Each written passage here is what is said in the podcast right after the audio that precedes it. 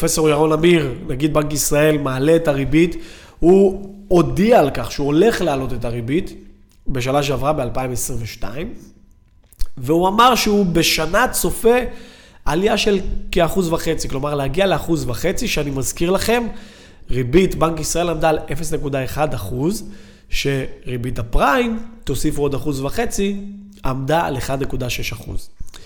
והוא לקח את הריבית מ-0.1 והוא צפה שעד 2023 וגם באמצע 2023 ריבית בנק ישראל תעמוד על 1.5 אחוז. בפועל אנחנו יודעים שזה לא קרה, הוא העלה בצורה הרבה יותר אגרסיבית, וכשאני אומר אגרסיבית, הוא העלה ב-600 אחוז.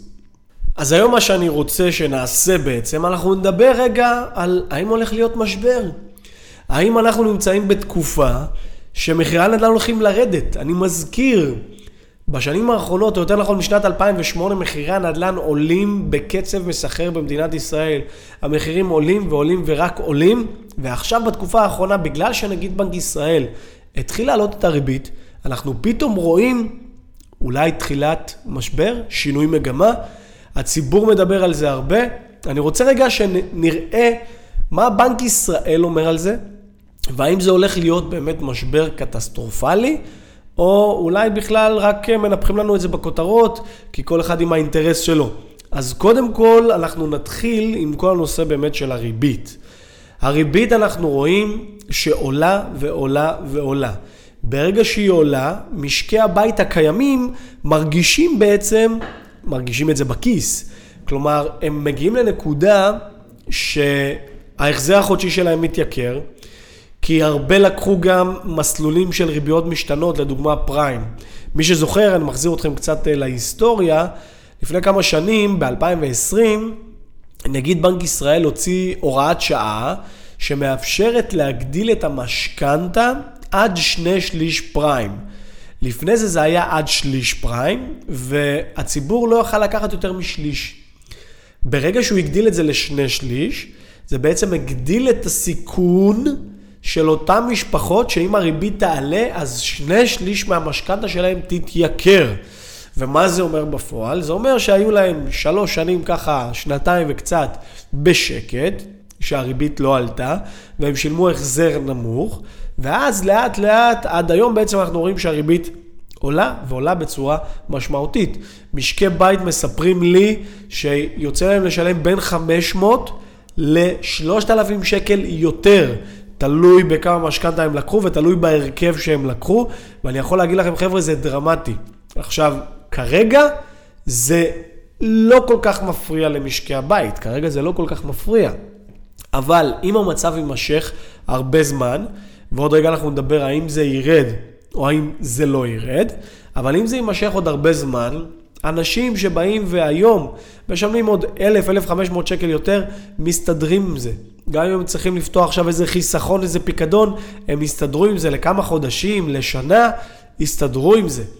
אבל אם זה יישאר לתקופה ארוכה, יכול להיות שאפילו הם יצטרכו למכור את הבית שלהם בגלל שהם לא יכולים להחזיר את תשלומי המשכנתה. אז עוד רגע אנחנו ניגע ונראה גם מה בנק ישראל חושב על זה, ואם בנק ישראל חושב משהו מסוים, אנחנו צריכים גם לאמץ את זה ולהגיד, טוב, הוא עושה הערכות. אז פעם ראשונה אנחנו בעצם רואים את כל הנושא של משקי הבית הקיימים. בואו נדבר רגע על משקי הבית החדשים שרוצים לקנות נדל"ן. מה קורה להם? אז אנחנו רואים גם עכשיו בקרב הציבור, אנחנו רואים כרגע האטה. אנחנו רואים אנשים שחושבים פעמיים, חושבים שלוש, לפני שהם ששים לקחת משכנתה. אומרים לעצמם, רגע, נכון שאני יכול לקבל עכשיו 75 אחוזים, אבל אולי בעצם כדאי שאני אקח דווקא 50% מימון או 60% מימון. למה? לא כי הם לא רוצים לממש את הזכאות שלהם, אלא הם רוצים להחזיר פחות כסף. גם להחזיר פחות כסף ביום-יום מדי חודש, וגם בריבית דריבית לאורך השנים להחזיר פחות כסף. ואז זה אומר שהרבה מאוד זוגות צעירים שרוצים לקנות, עוצרים רגע וחושבים, אולי אני אחסוך? ויש כאלה שעוצרים לראות האם הריבית תרד ואז הם יוכלו לקחת בריביות יותר אטרקטיביות, ויש גם כאלה שמחכים להגרלות של מחיר למשתכן, דירה בהנחה, דיור מופחת, כל הדברים האלה. אבל מה זה גורם? זה גורם שעדיין הם מחכים, עדיין הם ממתינים. ואם יש המתנה, ואם אנשים לא קונים, אז הדבר בטווח הקצר גורם לאיזה האטה, אבל בטווח הארוך זה יגרום אפילו לירידה. זה יגרום לירידה כי נדל"ן עובד כמו כל מוצר בשוק. כשיש ביקוש, שאנשים רוצים לקנות מוצר מסוים, מה קורה לערך שלו? כמובן, הערך שלו עולה. ומה קורה למוצר שלא רוצים לקנות, שיש לו ביקוש נמוך, הערך שלו יורד. מי שהולך קצת יותר להיסטוריה, יכול לראות שבמדינת ישראל מחירי הנדל"ן גם ירדו לאורך השנים. אני אישית חוקר את שוק הנדל"ן משנת 1967. אה, 1967, אני לא חי מ-1967, בסדר? אני רק חוקר משנת 67, כי זאת השנה שהתחילו לאסוף את הנתונים. וכשהתחילו לאסוף את הנתונים, אנחנו רואים שלאורך השנים היו משברים, ובואו נדבר רגע על המשבר האחרון שהיה לנו במדינת ישראל. המשבר האחרון, לא כמו שכולם חושבים ב-2008, 2009, שכל העולם היה את משבר הסאב פריים. לא, במדינת ישראל 2008-2009 זה לא. בשנת 2008 אנחנו רואים שהמחירים התחילו לעלות דווקא במדינת ישראל. אז מה קרה? מתי כן היה משבר? במדינת ישראל ראינו שב-2003 היה מיתון כלכלי. מיתון כלכלי, מי שזוכר את זה, תלכו קצת היסטוריה, תשאלו אפילו את ההורים. מי שזוכר, היה מיתון כלכלי. בפועל מחירי הנדל"ן במדינת ישראל התחילו לרדת משנת 2000. משנת 2000 עד שנת 2008. למה הם התחילו לרדת משנת 2000 ל-2008? כי בשנות ה-90 המאוחרות, וגם בתחילת שנות ה-90 הייתה לנו עלייה מברית המועצות לשעבר, עלייה מאוד מאוד גדולה, וראינו באמת שהם אה, היו צריכים הרבה מאוד מגורים, במסות, במסות. אה, בעבר אה, החליטו על תוכנית בשנות ה-90, על תוכנית שאולי שמעתם עליה ואולי אתם מכירים אותה גם היום, מחיר למשתכן. מחיר למשתכן. מחיר למשתכן של אז היה באמת מחיר למשתכן, היו מחירים מאוד זולים, נתנו הטבות ליזמים שיקנו קרקעות בזול ואפילו בחינם, אוקיי? וכמובן זה גולגל לרוכש בקצה. קיבלו באמת מחירים מאוד מאוד זולים. ואז התחלנו לראות באמת, בתחילת שנות האלפיים, איך מחירי הנדל"ן התחילו לרדת. והדבר כמובן התגלגל למיתון, כמו שאמרתי, בשנת 2003. תוסיפו את זה שגם הייתה אינתיפאדה, בסדר? באותם שנים, 2003, 2004, חומת מגן וכולי וכל זה. ראינו שהמחירים ירדו, וירדו בצורה דרמטית. ואז משנת 2008, משנת 2008 אנחנו רואים שהמחירים עולים במדינת ישראל. כלומר, אנחנו עכשיו בשנת 2023 לא ראינו ירידה במחירי הנדל"ן. אז עכשיו בעצם אנחנו צריכים להסתכל בפרופורציה ולהבין ששוק הנדל"ן הוא כמו כל שוק, הוא עולה, הוא יורד. אז אנחנו צריכים לשאול את השאלה, האם דווקא עכשיו זו הנקודה שהמחירים התחילו לרדת? ואני יכול להגיד לכם, אני בכל שנה עושה הערכת מצב, עושה תחזית, האם המחירים יעלו השנה או ירדו השנה. והפעם אנחנו רואים משהו שלא קרה שנים. שנים, וזה באמת כל הנושא של עליית הריבית. הריבית עולה ועולה בצורה דרמטית. אה, פרופסור ירון אמיר, נגיד בנק ישראל, מעלה את הריבית. הוא הודיע על כך שהוא הולך להעלות את הריבית בשנה שעברה ב-2022, והוא אמר שהוא בשנה צופה עלייה של כאחוז וחצי, כלומר להגיע לאחוז וחצי, שאני מזכיר לכם, ריבית בנק ישראל עמדה על 0.1 אחוז, שריבית הפריים, תוסיפו עוד אחוז וחצי, עמדה על 1.6 אחוז. והוא לקח את הריבית מ-0.1 והוא צפה שעד 2023 וגם באמצע 2023 ריבית בנק ישראל תעמוד על 1.5 אחוז. בפועל אנחנו יודעים שזה לא קרה, הוא העלה בצורה הרבה יותר אגרסיבית, וכשאני אומר אגרסיבית, הוא העלה ב-600 אחוז. 600 אחוז את הריבית, תבינו את העלייה הדרמטית כאן, תבינו.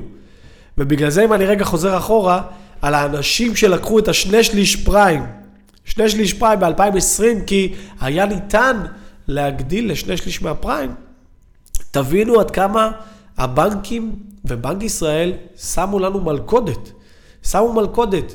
כי כבר שנים הריבית הייתה אפסית, 0.1, אוקיי, אחוז. וברגע שנתנו את ההוראה הזאת, לפני שלוש שנים, כן, שבפועל, לפני, נתנו לה פה בעצם שנתיים של ריבית עדיין אפסית, ואני מזכיר גם, מי שזוכר, לפני שהתחילה כל המגפה וכל הדברים והסגרים, נגיד בנק ישראל התחיל להעלות את הריבית. כלומר, נתנו פה איזו תקופה של חסד של איזה שנה לאנשים, כן? ואז התחילו להעלות את הריבית. מי שלא היה ערני ולקח מסלולים של שני שליש, היום פוגש את זה בצורה מאוד מאוד רעה. מאוד רעה. מי שאז לקח ריביות קבועות לא צמודות, ואמרו לי אנשים, שי, מה לקחת ריביות קבועות לא צמודות? אמרתי להם, חבר'ה, אם אתם הולכים לעסקה ארוכה, עסקה ארוכה, בטח שתיקחו. בטח, אתם לא רוצים שהריבית תשתלה. אבל אומרים לי, שי, תקשיב, נותנים לי 2.5, 2.8, 2.9 אחוז ריבית קבועה לא צמודה. כשאני אומר לא צמודה, אני מתכוון גם כמובן ללא צמודה למדד מחירים לצרכן. כלומר, אנחנו יודעים שמדד מחירים לצרכן לאורך השנים מתייקר. כלומר, מי שאז, וכשאני אומר אז, זה לפני שנה, שנה וחצי, שנתיים, לקח משכנתה עם ריבית גבוהה לא צמודה, שילם פי 2 ריבית, פי 3 ריבית, באותו זמן. כי אם הפריים היה 1.6, והם לקחו 2.9, או 2, או 3, או אפילו 3.2, אוקיי? זה היה מאוד מאוד יקר. היום כמובן שאנחנו מסתכלים על זה בדיעבד, אנחנו אומרים, וואו, איזה בדיחה. מה זה 3 אחוז? אני לוקח עכשיו 3 אחוז, ועוד ריבית גבוהה לא צמודה? עכשיו אני לוקח. עכשיו, כי אני יודע שהיום אני מקבל את זה ב-5 5 וחצי ואפילו ב-6 אחוזים. אז אנשים מסתכלים בדיעבד והם חכמים. אבל הייתה ריבית מאוד מאוד אטרקטיבית, שידענו שזה לא הולך להישאר לתקופה כל כך ארוכה. מי חשב, מי צפה באמת שזה יעלה ב-600 אחוז? אף אחד. גם נגיד בנק ישראל לא צפה את זה. אבל זה היה ברור שהיינו כל כך הרבה שנים עם ריבית נמוכה, הריבית רק הייתה עולה. ומי שהולך באמת לעסקאות ארוכות, היה צריך לקחת ריבית גבוהה לא צמודה. עוד מעט נדבר גם על איזה ריביות נכון לקחת גם בתקופה של היום, שזה גם חשוב לדבר על זה, אוקיי? אבל בעצם הגיעו לנקודה ששמו מכשול בפני עיוור, בנק ישראל, ועכשיו שהריבית גבוהה, זה עלול לייצר למשקי בית הקיימים משבר פנימי. משבר פנימי, כי כמו שאמרתי, יכול להיות שהם לא יוכלו להחזיר את המשכנתה. ואם לא יוכלו להחזיר את המשכנתה, אז יכול להיות שזה יידרדר לכדי משבר של אותה משפחה. אותה משפחה עלולה להיכנס למשבר. ואם המשפחה הזאת תיכנס למשבר, אז כשיש משפחה אחת והיא תמכור את הבית, ויכול להיות שהיא תמכור גם את הבית במחיר נמוך כי היא לא רוצה להגיע לכונס נכסים, אז זה בסדר, אני אומר במרכאות בסדר, אבל זה עצוב מאוד שזה קורה למשפחה. אבל זה עלול לקרות בקנה מידה ארצי. זה יכול להגיע למצב שהרבה משקי בית לא יכולים לעמוד בהחזרים החודשיים, וזה יכול לגרור אותנו למשבר חריף מאוד. חריף מאוד, ואפילו כמו שהיה ב-2008-2009 בארצות הברית, שאצלנו אנחנו לא חווינו את זה, כי הורידו מיד את הריבית כדי שבאמת הציבור לא ירגיש את זה בכיס. אז בואו נראה רגע, חוץ ממה שאני אומר ומה שאני חושב, ועוד מעט אני אתן לכם את דעתי המפורטת, בואו נראה מה בנק ישראל חושב באמת על כל הנושא הזה. אז מי שייכנס לאתר של בנק ישראל, אני ממליץ אגב בחום להיכנס לאתר של בנק ישראל, נשאיר לכם גם קישור, בסדר, של בנק ישראל, שתוכלו באמת אה, לראות ולחפש שם מידע, יש שם מידע מאוד מאוד אטרקטיבי. אז אתם תוכלו לראות באמת את השיעור של הצמיחה במשק, ותוכלו לראות את האינפלציה השנתית, בסדר? ואת שיעור האבטלה וכולי וכולי. ומה שמעניין גם, זה אם תיכנסו יותר לעומק באתר, תוכלו לראות גם את הציפייה לאינפלציה. עכשיו, מה מעניין אותי אינפלציה? בואו נדבר רגע על אינפלציה. מילה מאוד מפוצצת שאנחנו שומעים אותה בכותרות הרבה. הרבה, ובמיוחד בשנה האחרונה. אינפלציה, חבר'ה, זה בעצם שחיקת ערך המטבע. אם אני אלך רגע להיסטוריה, להיסטוריה, פעם איך היינו סוחרים, בסדר? אנחנו נלך 2,000, 3,000, 4,000 שנה אחורה, איך, איך היו סוחרים?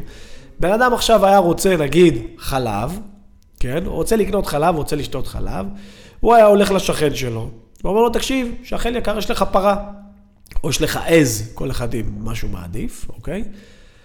תן לי עכשיו אה, גלון חלב, תן לי עכשיו אה, כוס חלב, תן לי קרטון של חלב, ואני אתן לך בתמורה משהו אחר. אתן לך בתמורה.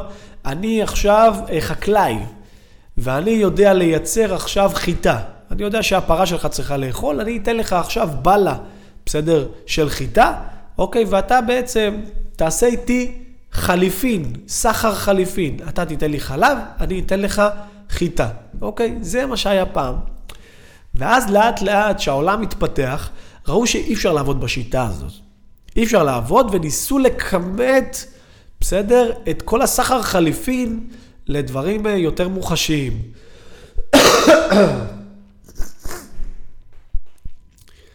מה הכוונה לדברים יותר מוחשיים? בעצם אמרו בואו ניקח משהו שיוסכם על כולם, כן? משהו ששווה משהו, ונמיר אותו. כלומר, במקום עכשיו להביא בלה של חיטה, או במקום להביא אה, גלון של חלב, בואו ניקח משהו שיוסכם על כולם, ונוכל אה, לסחור בו. אז כמובן מה שהיה בעבר, זה בעצם היו המתכות, המתכות היקרות. אה, היה את הברזל, בסדר? היה את הכסף, היה את הזהב, בסדר? כל הדברים האלה בעצם הוסכמו על הציבור, כן? שאם עכשיו אנחנו רוצים לסחור, הפעם נוכל לסחור גם בזהב, אוקיי? נוכל לסחור בכסף. וזה בעצם משהו מוחשי שעשה שינוי תפיסתי, אוקיי? עכשיו, מבחינת זהב וכסף, כן?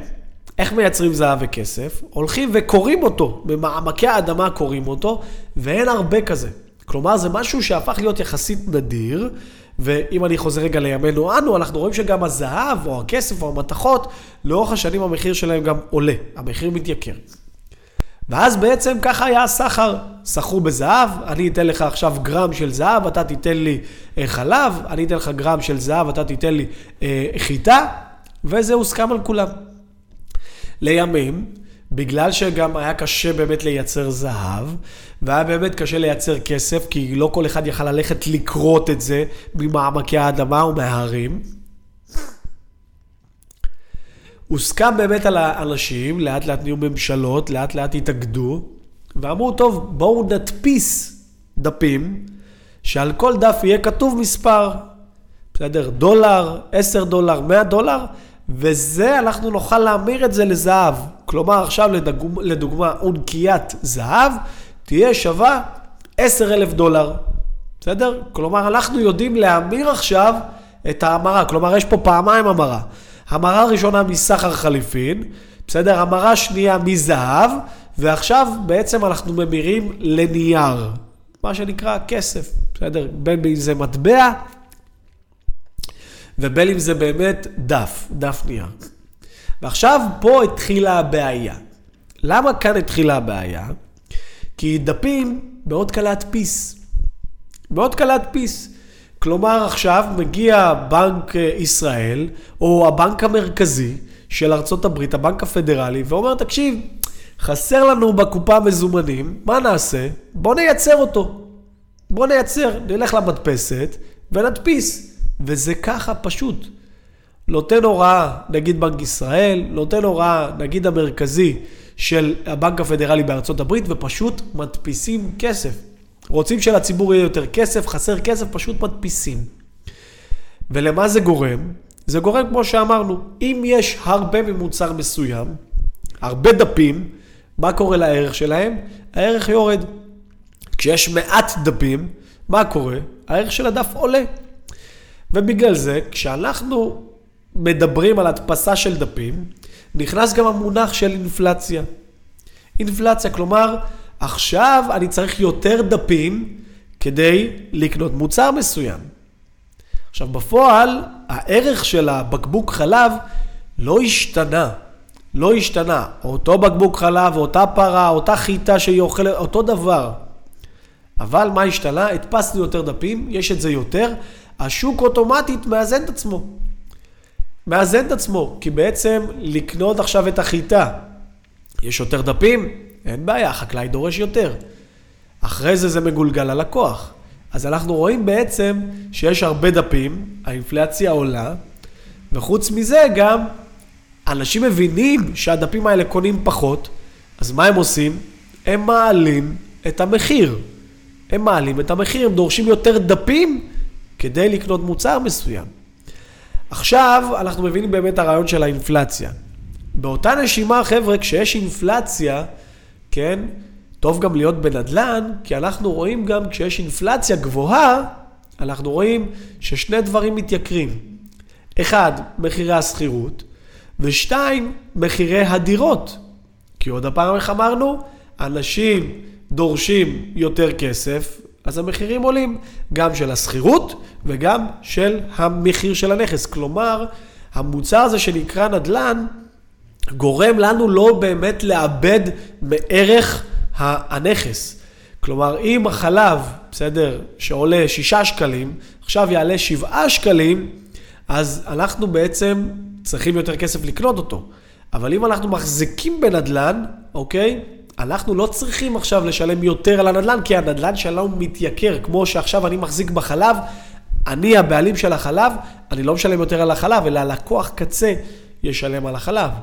כלומר, כשאתם ביססתם לעצמכם נכס נדל"ני ויש שם סוחר, אז אתם, מה שקורה, זה מה שקורה בשוק, המחיר של הנדל"ן מתייקר, כי יש אינפלציה, כי השוק מאזן את עצמו עם האינפלציה, וגם השכירות עולה.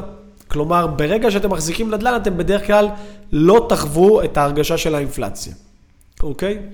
אבל נגיד בנק ישראל בא ואמר דבר כזה, האינפלציה עכשיו כבר הפכה להיות גבוהה מאוד מאוד מאוד. וברגע שהיא הפכה להיות גבוהה, זה משפיע על אנשים ביום-יום שלהם. זה מציק להם בכיס. כי פתאום יקר לקנות חלב, כי פתאום יקר לקנות חשמל, כי פתאום ופתאום ופתאום יקר, איך אומרים? יוקר המחיה, הכל יקר. אז אין בעיה שהכל מתייקר, כל עוד יש סינכרון וקורולציה בין המשכורות, בין שכר המינימום. אבל אנחנו רואים שהאינפלציה עולה ועולה ועולה, ואם אנחנו מסתכלים על 2022, האינפלציה הייתה יותר מחמישה אחוזים, ומה קרה עם שכר המינימום? שכר המינימום לא עלה. לא רק שהוא לא עלה ב-2022, הוא לא עלה לאורך שנים, בסדר? כלומר, אין סינכרון בין האינפלציה, יוקר המחיה בסוגריים, לבין המשכורות. עכשיו, אם היה סינכרון, אין בעיה. אין לי בעיה שחלב יעלה עוד עשרה אחוזים, כל עוד העלו לי את המשכורת בלפחות עשרה אחוזים. אז אין בעיה, הכל טוב, הכל מסונכן, הכל עולה והכל בסדר. אבל זה לא המצב. ובגלל זה נגיד בנק ישראל אמר, רגע, האינפלציה גבוהה. איך אני אוכל להילחם באינפלציה? אז יש מספר כלים ודרכים להילחם באינפלציה. קטונתי מלהבין בהכל, בסדר? יש פרופסורים לכלכלה שבאמת זה עיסוקם, ויושבים גם בבנק ישראל ומתעסקים בזה באופן יומיומי. אבל הכלי היעיל ביותר והמהיר ביותר זה באמת נושא הריבית. למה?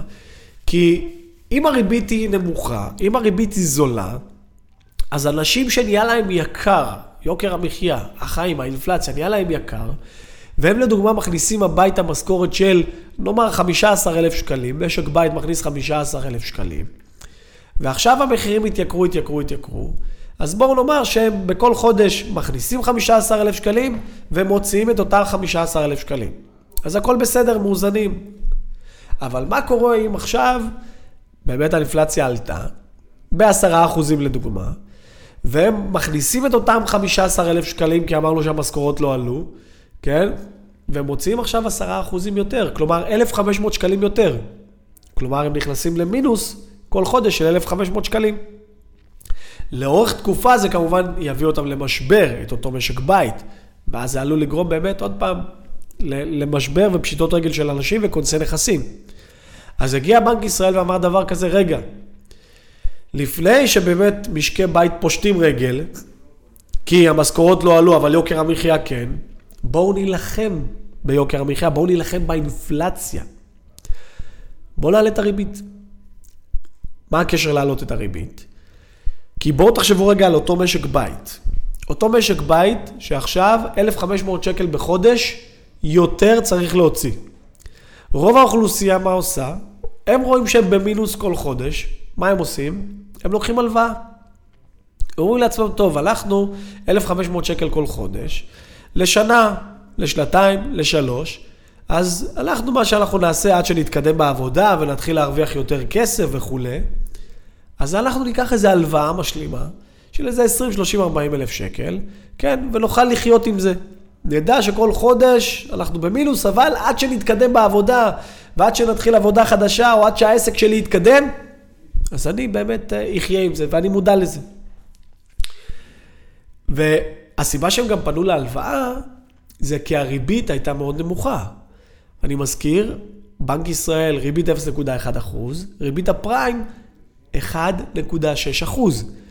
כלומר, הם מסתכלים ואומרים, לקחתי 30 אלף שקל, 40 אלף שקל, פרטתי את זה לחמש שנים, לשש שנים, לשבע שנים, אוקיי? כי זה הלוואות, זה תקופות יחסית קצרות.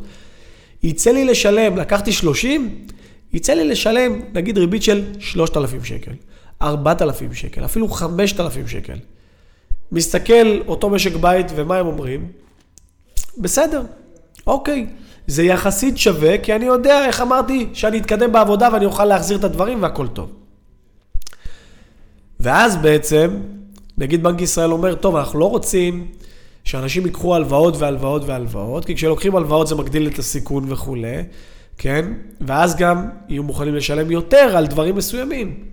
כי בן אדם שלוקח הלוואה זולה, הוא אומר לעצמו, רגע, אני משלם רק 3,000-4,000 שקל, אז לא ניקח 30,000, בוא ניקח 100,000 שקל.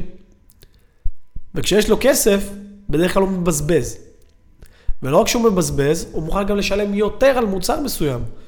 או אפילו הוא אומר לעצמו, תשמע, לא טסתי לחו"ל כבר איזה כמה שנים, בוא נטוס לחו"ל, כי ההלוואה היא יחסית זולה.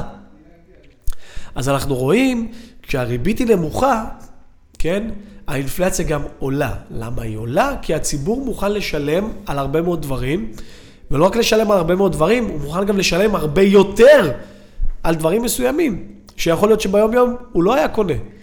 פתאום הוא הולך לסופר, קונה דברים מסוימים, ועכשיו שהוא יודע שיש לו יותר כסף בכיס כי הוא לקח הלוואה, הוא אומר, וואו, אני יכול עכשיו להשתולל יותר בסופר, אני יכול לקחת דברים יותר יקרים. כי מה אני משלם על המאה אלף שקל האלה? עוד עשרים אלף שקל עד שאני מחזיר את כל הריביות? עשרים אלף שקל? וואלה, כדאי לי, כדאי לי. נגיד בנק ישראל אמר, בוא נילחם בדבר הזה. בוא נילחם. ואז הוא אומר, טוב, איך אני אלחם בזה? אני אעלה את הריבית. אני אעלה את הריבית. כי אם אני אעלה את הריבית, פחות אנשים ייקחו הלוואות, פחות אנשים ייקחו משכנתאות. ואז כשהם לוקחים פחות הלוואות, כן? אז הם בהכרח לא יקנו מותרות, בהכרח הם יחשבו פעמיים לפני שהם קונים משהו, בהכרח הם לא יהיו מוכנים לשלם יותר על מוצר מסוים. בהכרח הם פתאום יסתכלו ויעשו השוואות. רגע, איפה אני קונה יותר בזול? ואז בעצם זה מעודד תחרות, זה מעודד את המשק, חבר'ה, באמת להיות יותר צנוע, ומעודד את הציבור לבזבז פחות, אוקיי? לבזבז פחות. מבזבזים פחות, כן? או לא רק פחות, אלא גם בצורה יותר הגיונית, ואז באמת האינפלציה יורדת. האינפלציה הופכת להיות הגיונית, האינפלציה הופכת להיות ריאלית, אוקיי? אז הכלי האפקטיבי, כמו שאמרתי, להילחם באינפלציה, זה באמת כל נושא הריבית. מגיע בנק ישראל ואומר, אני אעלה את הריבית. אני אעלה את זה לאט, בהדרגתיות, ככה שהציבור לאט לאט יתרגל, בסדר? הוא יודע בהכרח שהוא נכנס גם למשכנתאות של האנשים, כי הרבה אנשים, כמו שאמרנו, לקחו שני שליש פריים, אז הוא אמר, יעשה את זה בצורה הדרגתית, בפועל הוא לא עשה את זה בצורה הדרגתית. וכשלא עושים משהו בצורה הדרגתית, יש לזה השלכות. יש לזה השלכות, ויכול להיות שזה השלכות במשבר של שוק הנדל"ן. אז בואו נסתכל רגע על משק ממוצע, אם הוא יכול להתמודד עם זה, משק בית ממוצע. הוא יתמודד כמה חודשים, כמו שאמרנו, אחר כך הוא ייקח הלוואה, ואז שזה יהיה גדול עליו, לא תהיה לו ברירה, הוא ימכור את הנדלן שלו, וכנראה ימכור את זה גם במחיר זול, כי הוא, הוא צריך את הכסף כדי לסגור הלוואות ומשכנתאות וכולי. בואו נראה מה בנק ישראל חושב, האם תהיה באמת אה, מצב של, אה, האם יהיה באמת מצב של משבר. אז ככה, אמרתי, אנחנו באתר של בנק ישראל, ובתוך האתר של בנק ישראל, לפשפש קצת בפנים, אני אשאיר קישור, כן? ניתן לראות את התחזית לאינפלציה. תחזית לאינפלציה של בנק ישראל. כשאני נכנס לתחזית של האינפלציה של בנק ישראל, יש כאן אה, הרבה מאוד מידע, יש גם את ההודעה לעיתונות שהם פרסמו. חבר'ה, וזה, אה, מי שמפרסם את זה זה באמת חטיבת המחקר. חטיבת המחקר של בנק ישראל, אני יכול לומר לכם, חטיבה מאוד מעניינת, אני עוקב אחריה כבר שנים, שנים, שנים, שנים.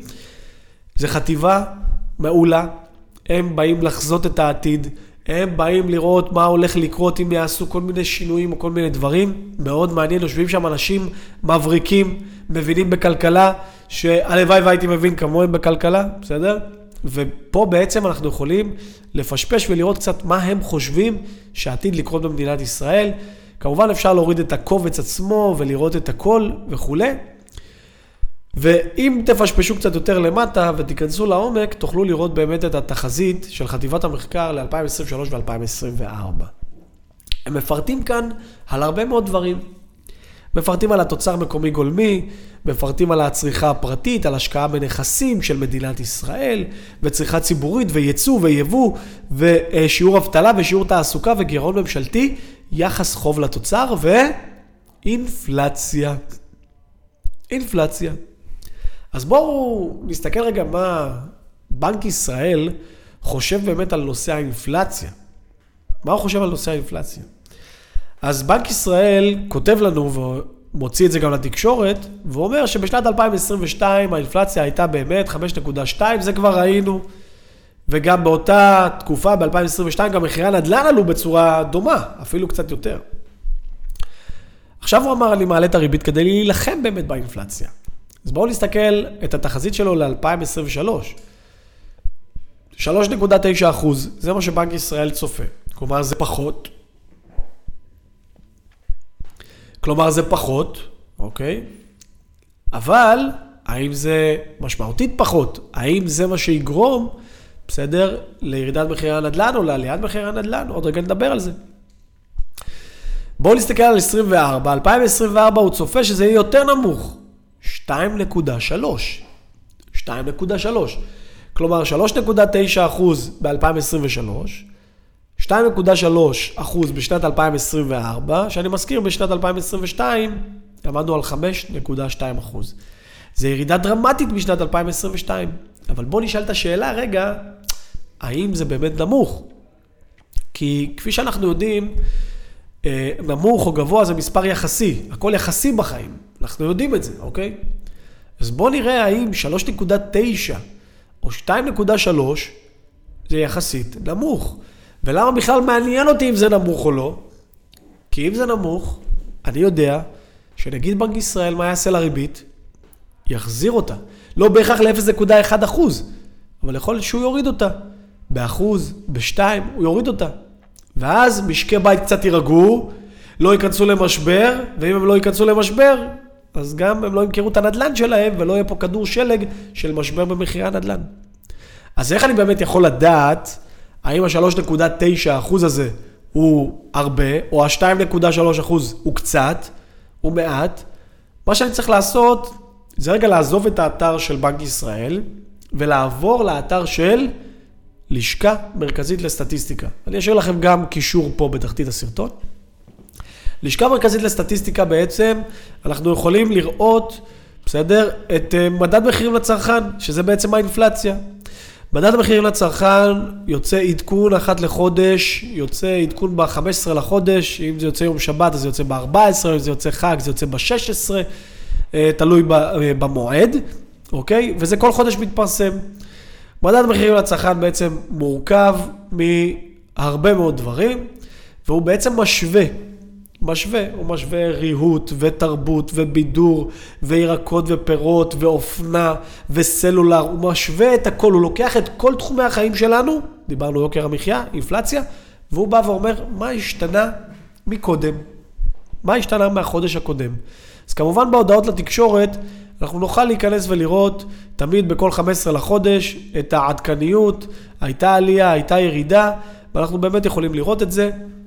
אז אנחנו יכולים לראות שקודם כל, אם אני מדבר על הסקירה של אה, אפריל, שבעצם הסקירה של אפריל מסוקרת באמת את מרץ, בסדר, תמיד זה חודש אחורה, אנחנו יכולים לראות שהעלייה היא ב-0.4%, אוקיי? ולפני זה כמובן דיברנו על שנת 2022, מה קרה ומה היה, אוקיי? אז זה באמת על המדד, אבל אז אנחנו רוצים רגע לא להסתכל על חודש ספציפי, אנחנו רוצים רגע להסתכל על כמה שנים.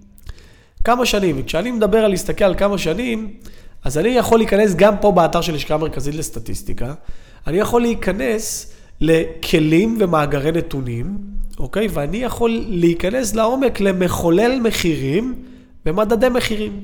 בעצם מה זה אומר?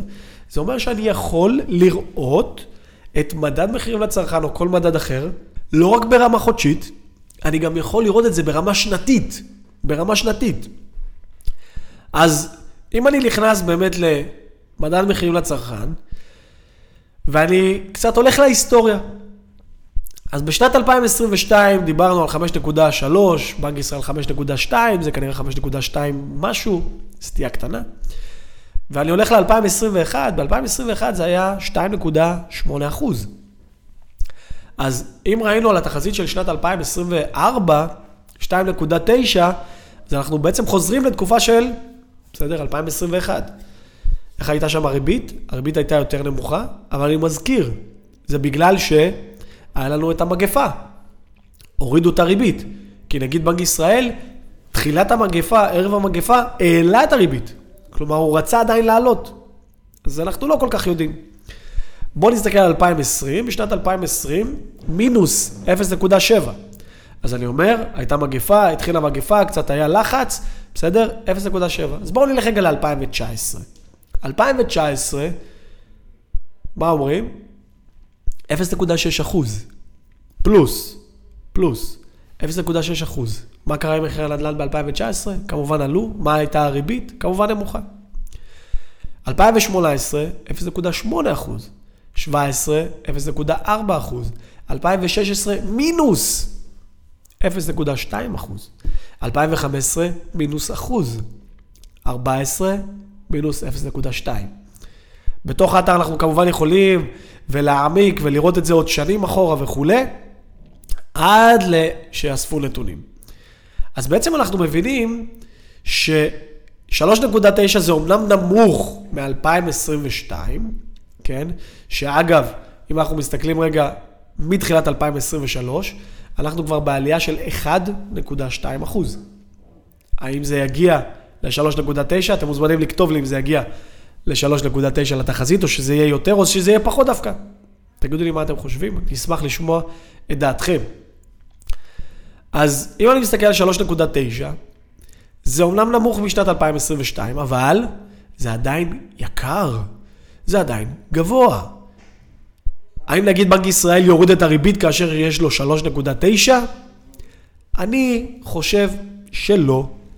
כי עדיין 3.9 ראינו ביחס לשנים עברו, זה יחסית אחוז גבוה של אינפלציה, ובגלל זה לא תהיה ירידה. אם אני מסתכל על 2024, 2.3 זה עוד יחסית נמוך, אבל עדיין לא מגלם את שנים של 2015-2016 שראינו ב-0.2, 0.3, 0.4 ואפילו מינוס. כלומר, גם 2.3 זה עדיין גבוה, זה עדיין יקר. אז ברגע שאני מסתכל על זה, אני מבין שכנראה הריבית הולכת להישאר איתנו בשנתיים הקרובות, 2023 ו-2024, ואולי אפילו נצפה אפילו עוד עלייה בריבית. אבל רגע, האם זה הדבר העיקרי שישפיע? בואו נראה רגע מה בנק ישראל חושב. אולי בסדר, הריבית אנשים יסתדרו, אבל בואו נראה מה בנק ישראל חושב על דברים אחרים בחטיבת המחקר שלו, והוא מדבר על תוצר מקומי גולמי. תוצר מקומי גולמי, חבר'ה, בעצם מה אנחנו מייצרים כמדינה. מה המדינה מייצרת? אז בשנת 2022 מדינת ישראל ייצרה 6.4 אחוז יותר ממה שייצרה בסדר? משנת 2021. התחזית ל-2023, שמדינת ישראל תייצר 2.5 אחוז. 2.5 אחוז. זה פחות מחצי ממה שייצרנו בשנת 2022. ואם אנחנו מסתכלים על שנת 2024, זה לייצר יותר, אבל עדיין 3.5 אחוז שינוי. זה עדיין מעט. כלומר, מה הם אומרים? אנחנו נייצר פחות. כשמדינה מייצרת פחות, בסדר? זה לא מעיד על דברים טובים. אה, חטיבת המחקר גם מדברת על הצריכה הפרטית שלנו כאזרחים. היא אומרת שבשנת 2022 אנחנו באמת צרכנו 7.7 אחוז יותר ממה שצרכנו ב-21, וב-2023 אומרים אנחנו נצרוך רק 3.5 אחוזים יותר. וב-24, 4.5 אחוז יותר. למה זה פחות? כי הגיוני, אם העליתי את הריבית, אנשים פחות השתוללו. המטרה היא להילחם באינפלציה, נכון? ואז יש פה נתון מאוד מעניין. נתון מאוד מעניין, שחטיבת המחקר מדברת של בנק ישראל ואומרת על השקעה בנכסים קבועים. מדינת ישראל היא עסק, חבר'ה. היא עסק, והיא כולה נכסים. נכסים, מחצבים, מפעלים, אוניות, מטוסים, פה הם לא מתייחסים לאוניות ומטוסים וכולי, אבל יש להם נכסים, אוקיי? ובשנת 2022 היה לנו גידול, לנו, למדינת ישראל, היה גידול של 9.7 אחוז בנכסים הקבועים, בהשקעה בנכסים קבועים, השקעה, כלומר קנייה. ומה קורה ב-2023? התחזית של בנק ישראל, גידול של אחוז וחצי. אחוז וחצי. כלומר, קיטון דרמטי של מאות אחוזים. מה בעצם אומרת לנו מדינת ישראל? חטיבת המחקר אומרת שאם אין לי כסף, אם לעסק, אם לחברה, אם למדינה אין כסף, היום קונים השקעות? לא קונים השקעות. ואם לא קונים השקעות, זה לא טוב. כי קונים השקעות זה יטיב בעתיד. אבל אם לא קונים עכשיו, זה אומר שגם אין קופת מזומנים. ב-2024 זה קצת יותר אופטימי, זה 4.5 אחוז, זה עדיין חצי מהשינוי מ-2022, זה אומר משהו, בסדר? וכמובן אנחנו יכולים גם לראות בתוך הסקירה שמדברים על ייצוא ועל יבוא וכולי וכל זה. נתון שהכי מעניין אותי בתוך הסקירה, מלבד האינפלציה, זה באמת היח, הגירעון, הגירעון הממשלתי. גירעון הממשלה בעצם זה איך מסיימים את השנה. כמו עסק שמסיים את השנה, יש לו דוח שנתי, רואים הוא גדל, הוא קטן, בסדר? אז פה אנחנו יכולים לראות שבשנת 2022, חבר'ה, מה קרה? משהו שלא ראינו הרבה זמן. מדינת ישראל סיימה בעובר ושב, מה שנקרא, סיימה את השנה שלה במינוס 0.6 אחוז. מה זה מינוס? כלומר, לא היה גירעון, בסדר? הייתה צמיחה. כלומר, נשארנו עם יתרת מזומנים של 0.6 אחוז שינוי משנה קודמת. כלומר, מדינת ישראל צמחה, בסדר? בואו נסתכל רגע על התחזית לשנת 2023. בשנת 2023 אנחנו רואים גירעון של 0.9 אחוז. כלומר, הם אומרים במודע, הם מסתכלים קדימה לתחזית, אנחנו נקנה פחות נכסים, אנחנו נרוויח פחות, בסדר? נייצר פחות, אנחנו נהיה בגירעון של כמעט אחוז. דרמטי. וב-2024, מה הם אומרים? אנחנו נהיה גם בגירעון של 0.9 אחוז. כמעט אחוז אחד. גירעון. אז כשאני מסתכל עכשיו על בנק ישראל, בנק ישראל בעצם אומר לי בעקיפין שהוא מתכונן למשבר. הוא מתכונן למשבר. הוא בא ואומר דבר כזה, אני יודע שיהיה לי יותר גירעון, אני יודע שיהיה לי פחות תוצר, אני יודע שאני אשקיע פחות בנכסים, אז אני מבין שאני הולך לתקופה קשה. העסק שנקרא מדינת ישראל הולך לתקופה קשה של שנתיים. כל שנה הם אה, נותנים תחזית עוד שנה קדימה, כן? אנחנו נראה גם מה קורה שנה הבאה, אבל כרגע בתחזית ל-23-24, הם אומרים שהם מתכוננים לתקופה קשה. עכשיו אני חוזר לאינפלציה. האינפלציה, 5.2 ב-22, ב-23, 3.9, וב-24, 2.3. הבנו שזה בעצם אינפלציה יחסית אה, גבוהה. נכון נמוכה לתקופה ל-22, אבל עדיין גבוהה לשנים עברו. ואם היא עדיין גבוהה לשנים עברו, האם יש סיבה שנגיד בנק ישראל יוריד את המחיר של הריבית? כנראה שלא. כנראה שלא. ריבית בנק ישראל, לדעתי, צפויה להישאר גבוהה. לא רק שהיא צפויה להישאר גבוהה, היא לדעתי אפילו תעלה עוד קצת. אבל מה חשוב יותר מזה? להבין שהיא תישאר ככה לפחות בשנה וחצי, שנתיים הקרובות. אז מי שעכשיו חושב על איזה משכנתה לקחת, אם אתם קונים חדשים, או אם אתם קונים קיימים, שאפשר למחזר את הריביות ולשנות אותם, אולי זו תקופה לעשות שינויים. כי אם אני מסתכל עכשיו לשנתיים הקרובות, ואני חושב לעצמי איזה משכנתה לקחת, אוקיי? אז אולי אני קודם כל לא אקח ריבית משתנה, אני לא אקח פריים.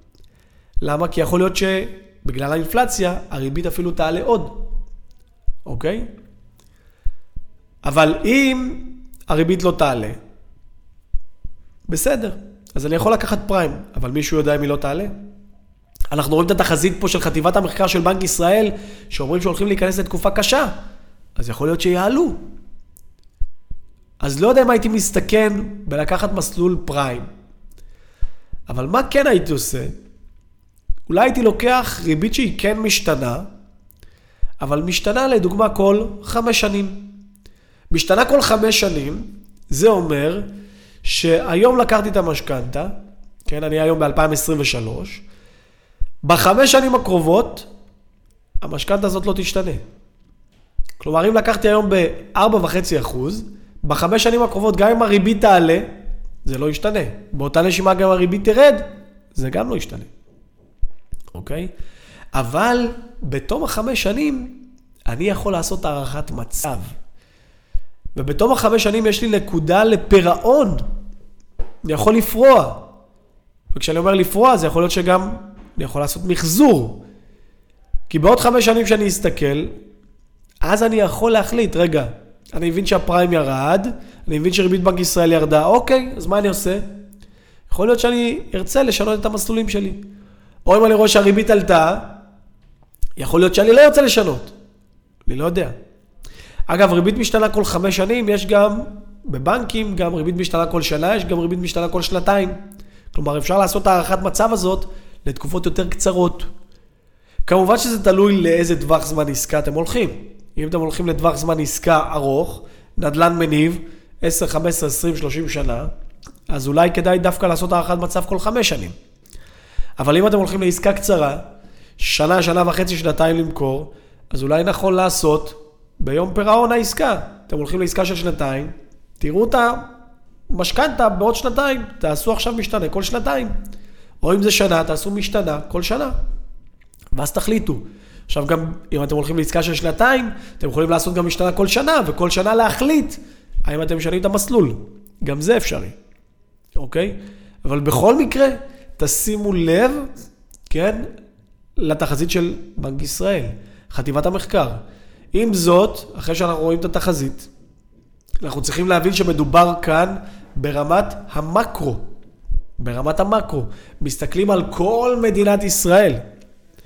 כלומר, אנחנו צריכים לזכור שמבחינת נדל"ן, אם אנחנו מתחילים לראות שאנשים באמת, כבד עליהם הריביות, ולאט לאט אנשים מוכרים, כי אתם שומעים סיפורים, כי אתם שומעים אנשים שאומרים לכם כבד עליי ואני עובר דירה וכולי וכולי וכל זה. חבר'ה, אתם תהיו המדד הכי טוב. אתם תראו האם המחירים יורדים או האם לא. אתם תעקבו אחרי האתרים של כונסי הנכסים, ותראו האם יש יותר מודעות של כונסי נכסים. אתם תשמעו את החברים שלכם. וכאן בעצם זה מייצר כמובן הזדמנות. אני יכול לספר לכם עליי אישית, אני כשנכנסתי לשוק הנדל"ן, אני נכנסתי בשנת 2012.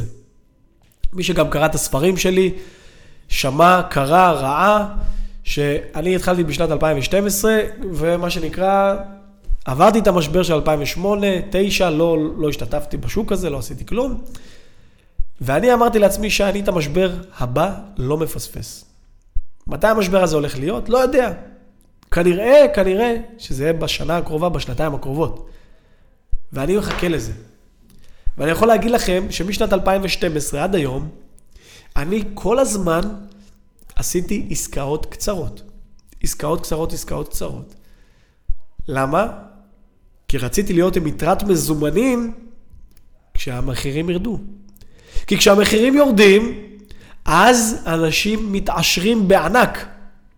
אנשים מתעשרים בענק. כי אני אומר לאנשים, חבר'ה, רוצים לקנות נכס ששווה מיליון ב-800, ב-700? אומרים לי, בטח. אני אומר להם, כן, הנה עכשיו, בתוך משבר. אומרים לי, לא, עכשיו, אבל המחירים יורדים, קשה לאנשים לפתוח את הכיס. אבל אם אנחנו מבינים שלטווח הארוך, זה יעלה, כי מדינת ישראל היא מדינה קטנה. מדינת ישראל היא מדינה שיש לה שטח גיאוגרפי מצומצם. ובונים ובונים, וגם אם יבנו על כל מטר במדינת ישראל, מה שלא יקרה, אבל גם אם יבנו בכל מטר, בסוף יש לנו שטח מוגבל. ויש לנו גידול באוכלוסייה, אנחנו מכפילים את עצמנו כל 25 שנה. אז אנחנו מבינים שבטווח הארוך, מחירי הנדל"ן יעלו בארץ. אז נכון יהיו משברים. דיברתי איתכם גם בהתחלה על משבר שהיה בשנת 2003. 2003, מיתון כלכלי, מחירי הנדל"ן ירדו משנת 2000 ל-2008. ירדו בארץ. ירדו. אז גם עכשיו, משבר הולך להגיע. האם הוא יחריף ב-24, 25? אני מאמין שכן, כפי שאנחנו רואים את התחזית של בנק ישראל. אבל האם עכשיו יש מציאות? גם עכשיו יש מציאות, חבר'ה. האם עכשיו אפשר ללכת גם לעסקאות קצרות? אפשר. אבל אתם גם צריכים לחשוב על איזה עסקאות קצרות. כי אם אתם עכשיו מסתכלים על השוק, לדוגמה של המגורים, אז אל תלכו לעסקה קצרה. מצאתם עכשיו בן אדם 20-30% מתחת למחיר שוק, וזה מגיע, וזה עוד ימשיך להגיע, אוקיי? אז תקנו, ואל תעשו עסקה קצרה. כי אתם מבינים שיכול להיות שהמשבר עוד ימשיך ויעמיק. אז אם הוא יעמיק, מה תעשו? תקנו גם את הדלת ממול. תקנו עוד נכס, אוקיי? וגם נגמר הכסף, חבר'ה. תשתפו פעולה עם אנשים. אפשר לקנות גם ללא הון עצמי, אני דוגמה חיה לכך, כתבתי על זה בכל הספרים שלי, איך אני קונה בלי, בלי הון עצמי. ויותר מזה, אתם יכולים גם ללכת לשווקים אחרים.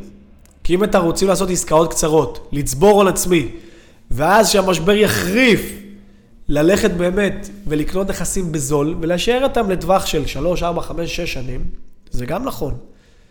לדוגמה, השוק של המגרשים במדינת ישראל. שוק של המגרשים. כמובן אני מדבר על מגרשים לבנייה מיידית, אני לא מדבר על מגרשים חקלאיים, אני מדבר על הקרקעות שניתן לבנות עליהן באופן מיידי, תוציאו יותר בנייה ותבנו. אז אם אני מסתכל על המגרשים, אז אנחנו קודם כל פונים כבר כאן לאוכלוסייה שיש לה כסף. כי מי קונה מגרש ובונה את ביתו? אנשים מעמד סוציו-אקונומי בינוני ומעלה. ואם אתם ידעתם לקנות במחיר אטרקטיבי, אז אתם תוכלו למכור להם את המגרש, או אפילו למכור להם את הבית, ולהרוויח כסף, אוקיי? עליהם כנראה המשבר לא כל כך ישפיע. כי גם אם עכשיו הם יצטרכו לשלם עוד 1,000, 2,000, 3,000, 4,000 שקל בחודש, כנראה הייטקיסט שמביא 50,000 שקל בחודש הביתה, זה לא מעניין אותו עוד 2,000, 3,000 שקל שעלתה לו המשכנתה, אוקיי? אז זה שוק שאתם בהכרח פונים לאוכלוסייה יותר מבוססת, אתם יכולים להרוויח שם בעסקאות קצרות, ואיך אמרתי, שהמשבר יחריף ויעמיק, לכו תקנו מגורים במחיר זול. כלומר, נדל"ן למגורים במחיר זול. אז השוק הזה של הקרקעות פונה לאוכלוסייה מבוססת. שתיים, אתם יכולים למצוא בתוך הקרקעות גם אפשרות להשבחה. כי אם עכשיו לצורך העניין אני קונה קרקע שניתן לבנות עליה 160 מטר וילה, ואני בעצם הוצאתי היתר בנייה, ועכשיו אפשר לבנות 200 מטר לצורך הדוגמה, האם השבחתי את הקרקע? חד משמעית. האם אני אהיה אטרקטיבי בסביבה? חד משמעית. כי מסביבי כולם בונים 160 ואני בונה 200.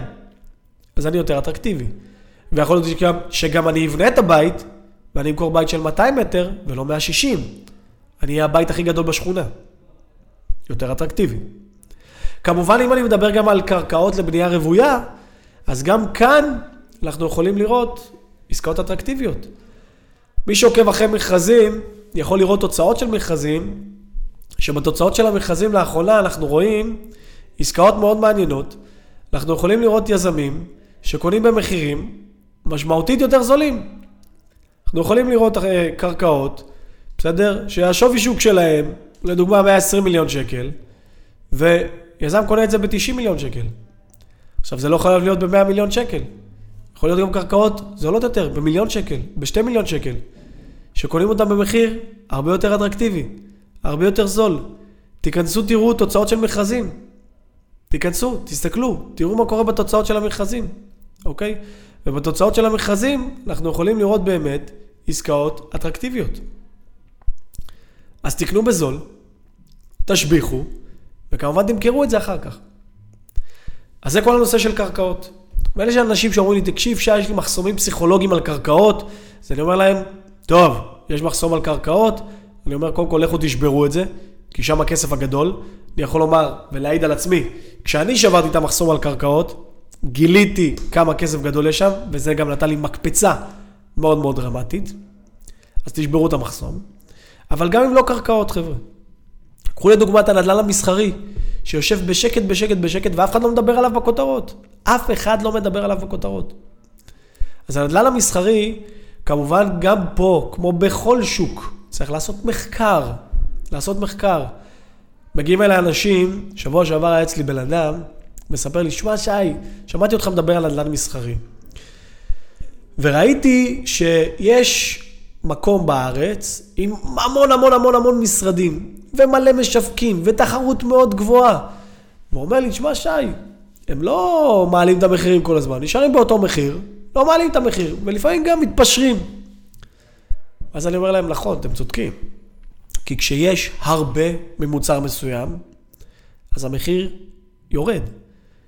אבל אם איתרתם מקום שאין הרבה, או שיש שכונה חדשה שצפויה להיבנות, והולכת להיות שם 5,000 יחידות דיור, והולך להיות שם עכשיו 3,000 מטר של מסחר, או של משרדים, שזה מעט, פה דווקא יכול להיות שיש עסקה מעניינת. כי צריך, צריך, יש פה 5,000 יחידות דיור, זה מדהים, זה 20, זה למעלה מ-20 אלף איש. אז הם צריכים את המכולת, הם צריכים את החנות. צריך לעשות כמובן מחקר. אז כשעושים את המחקר נדל"ן מסחרי, מה מגלים? מגלים שהוא לא כל כך דומה לשוק הנדל"ן למגורים. הוא גם עולה, הוא עולה בשנים האחרונות ועולה בצורה יפה, ויש שם הרבה מאוד עסקאות אטרקטיביות. כי ברוב המקרים שקונים נדל"ן מסחרי, נדל"ן למשרדים, תעשייה, אז מקבלים את הנכס במצב של מעטפת. מעטפת זה בעצם במצב של בלוקים, של בטון, וכבר כאן יש לנו פוטנציאל להשבחה. וגם כאן, כמו שאמרתי, בנדל"ן למגרשים, מגרשים לבנייה, גם כאן אנחנו מתעסקים עם אוכלוסייה מבוססת. כאן אנחנו מתעסקים עם אוכלוסייה שיש לה כסף. כלומר, מי קונה נדל"ן מסחרי? שני הסוגים. האחד זה כמובן המשקיע. משקיע שרוצה לקנות נדל"ן מסחרי כי הוא רוצה תשואה על הכסף שלו, כן, ויש לו כסף בעסק שלו, בחברה שלו, אז הוא קונה, אוקיי? זה אומר שכבר אנחנו מתעסקים עם עסק שיש לו כסף. אז הוא רוצה להשקעה, קונה. טוב לנו? כן, כי אמרנו, אנשים שיש להם כסף, עסקים שיש להם כסף, משלמים. הפרופיל השני של אנשים שקונים נדל"ן מסחרי, יותר נכון, עסקים שקונים נדל"ן מסחרי, זה עסקים שרוצים את זה לשימוש עצמי. שימוש עצמי. עכשיו, איזה עסק קונה נדל"ן מסחרי לשימוש עצמי? חנות, משרד, מבנה תעשייה. איזה עסק? עסק שיש לו כסף. עסק שאומר לעצמו, תקשיב, גדלתי, גדלתי, גדלתי, יש לי כבר יתרת מזומנים, אני רוצה לקנות לעצמי. אז אם אני רוצה לקנות לעצמי, גם פה זה אומר שיש לי כסף. אז עוד פעם, כשיש לו כסף, ובכלל הוא רוצה מיקום מסוים וגודל מסוים, והוא אפילו קצת מתאהב בזה, אוקיי? אז הוא גם מוכן לשלם. אז אנחנו רואים שגם המשקיע וגם העסק שרוצה את זה לשימוש עצמי, יהיה מוכן לשלם, כי יש לו כסף. בכל מקרה, מי שיקנה את זה במצב של מעטפת, יוכל גם להשביח את הנכס. להשביח, להביא אותו למצב של גמר. וברגע שהוא מביא את זה למצב של גמר, הוא יכול לפנות גם לבעל העסק שרוצה להשקיע, וגם בעל עסק שרוצה את זה לשימוש עצמי. ואז כמובן לדרוש מחיר יותר יקר. טיפ קטן, מי שמכוון למשקיע, מומלץ גם שלא רק ישפץ, אלא גם ישכיר את הנכס. והשאיפה היא גם שישכיר את זה במחיר כמה שיותר גבוה. כי אז הוא יוכל למכור את זה למשקיע במחיר שיראה למשקיע אטרקטיבי, ועדיין הוא ירוויח כסף. אז אם אני בעצם מסתכל על כל השיחה שלנו כאן, אז בעצם אני אומר דבר כזה. אחד, בנק ישראל אומר, אני מתכונן למצב פחות רע, פחות טוב, סליחה, משבר. משקי בית, אם זה יישאר לאורך זמן, יגיעו למצב שהם ימכרו נכסים כי יקר להם. יקר להם להחזיק את, הנכס, יהיה פה משבר. שלוש, אנחנו צריכים להיערך עם יתרת מזומנים. עם יתרת מזומנים למשבר, איך אנחנו עושים? אנחנו קונים עסקאות קצרות, או של קרקעות, או של נדל"ן מסחרי. וזה בעצם כל הדבר. כמובן צריך להמשיך לעקוב, וכמובן צריך להמשיך לחיות את הנדל"ן ואת התחזיות של בנק ישראל ואת מדד מחירים לצרכן, כדי להיות ערניים. כי השוק הזה זז, השוק הזה משתנה, ובגלל זה אנחנו צריכים להיות חדים. חברים, אני הייתי שי שור, אתם מוזמנים להמשיך לעקוב אחריי, אחרי אה, כל התוכן שאני מעלה לכם, כדי שתוכלו לעשות עסקאות נדל"ן הרבה יותר טובות. שיהיה לכם המון המון בהצלחה, והכי חשוב, תמשיכו לעשות נדל"ן.